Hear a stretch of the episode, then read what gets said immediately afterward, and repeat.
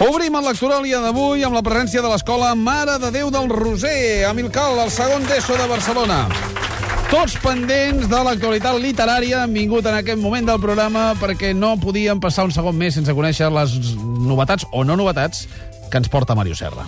Bon dia, Manel. Novament, eh, n'hi ha moltes, eh? T'he de dir que és una campanya pre-santjordiesca. A tope, no? Molt, molt. I molts autors catalans, de manera que anem llegint i fullejant i rellegint. Avui, el llegit ja veuràs que té una banda sonora eh, com de joguina.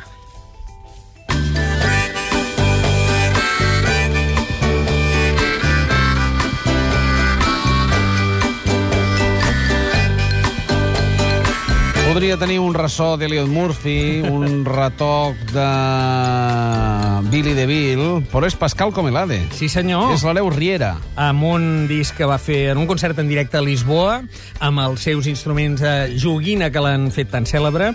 Això és per il·lustrar un llibre d'un eh, compatriota seu, i nostre, naturalment, però de pàtria xica, podríem dir, Un país de butxaca, d'en Joan Daniel Besonov, l'autor de Perpinyà.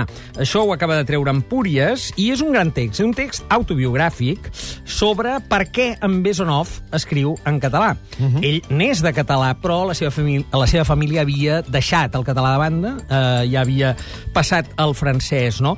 Eh, clar, amb Joan Daniel Besonov i Montalat eh, eh, eh, ha acabat d'escriure una mena d'història d'amor pel seu avi, el seu avi de Nils, eh, el seu pare, diguem, que venia d'origen rus, com el seu cognom indica, d'emigrants a, a França havia abandonat, ja va fer, ja li va dedicar un llibre a la banda russa, es deia Els taxistes del SAR, després va dedicar un altre llibre a, a la seva formació francesa, diguem, eh, que es diu Una educació francesa i que va ser molt lluat, molt lluat per tota aquesta colla d'internacionalistes que no llegeixen mai en català i que tenim molt sovint entre nosaltres, que van dir, home, carai, aquest sí que és un català universal, no? Sí. Un tio amb referents com cal, referents francesos... Doncs mira, jo amb tots aquests els, convi els convidaria a que continuïn llegint Besonov i es llegeixin ara Un país de butxaca, en el qual ell explica eh, això, com és que tria escriure en una llengua que ell, quan, quan és adolescent, ni tan sols sap parlar l'entén, però no la sap parlar. I ell, que té talent literari, això és evident, en Besonov ha publicat ja moltes novel·les,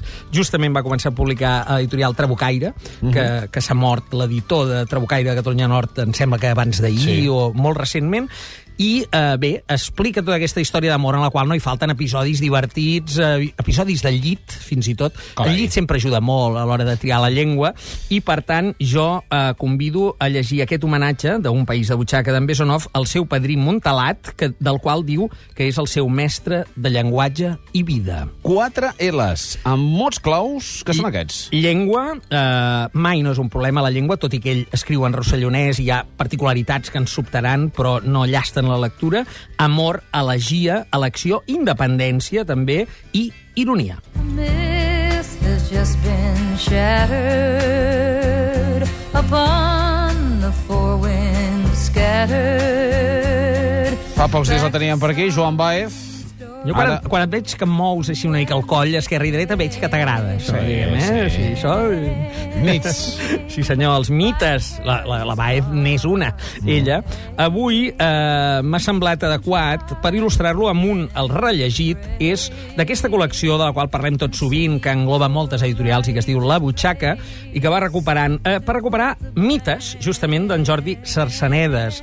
Esplèndid llibre, quatre sí, L's. Sí, senyor. Aquest és, clar, és un llibre dels anys 40, eh? escrit a finals dels 40. Eh, és de les primeres, diguem, mostres de narrativa que hi ha en un país destruït com el nostre, culturalment anorreat, i, per tant, en el qual només queda la poesia amagada, diguem, en certs racons, en Cercenedes fa un tipus de, de narracions, que en diu mites, i que es caracteritzen per tenir una doble lectura, que en aquells moments era francament renovador, és a dir, estar atent als detalls quotidians, però sempre tens la sensació que hi ha una tensió soterrada, no?, que et fa, que et fa avançar. Eh, hi ha, um, amb una mestria diguem, descriptiva notable, no han envellit gens. Dir això un mig segle després ja és dir molt, per tant, jo trobo que aquest és un dels llibres clàssics eh, de narrativa catalana, que tenir-lo a l'abast, amb una edició així de butxaca, que trobaran en tots aquests expositors dels quioscos de la Costa Brava, ara que ja tornen a tenir llum i es pot eh, continuar llegint amb llum, Que majoritàriament, Que triïn bé, que agafin aquest mites. que agafin amb mites d'en Jordi Sarsanedes. Mots clau. Aquí és exploració lírica, també, perquè sempre n'és present, els ambients que formen part de l'encant de cadascuna d'aquests relats, mites i post-noucentisme.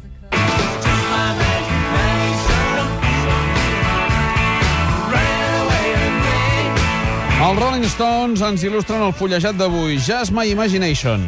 Sí, senyor. Uh, això és per il·lustrar un llibre curiós, eh? Es diu El triomf de la imaginació, 60 invents que han canviat el món, o gairebé. Un d'ells la ràdio. Sí, senyor, hem obert aquí a la pàgina 124 i surt la ràdio Marconi, uns dibuixos, com pots veure.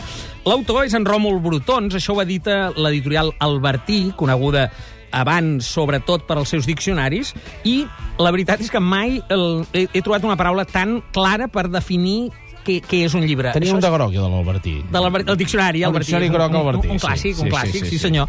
Doncs això és un inventari perquè un inventari sempre és una llista de coses i aquesta és una llista d'invents, no? És clar, eh, compleix allò que promet, eh? 60 invents que han canviat, o gairebé, perquè aquí trobaràs des del xupa-xups a la Coca-Cola, però també passant per la màquina de cosir, el forn microones, l'ordinador, el vàter, molt important, Home. perquè la vida abans del vàter era diferent, el rentavaixelles, la tireta o, evidentment, la ràdio, la nostra estimada ràdio. Un llibre de bon fullejar. Màrius Serra, moltíssimes gràcies. A reveure fins la setmana entrant. Aquest aplaudiment és per tu, dels alumnes de segon d'ESO de Barcelona.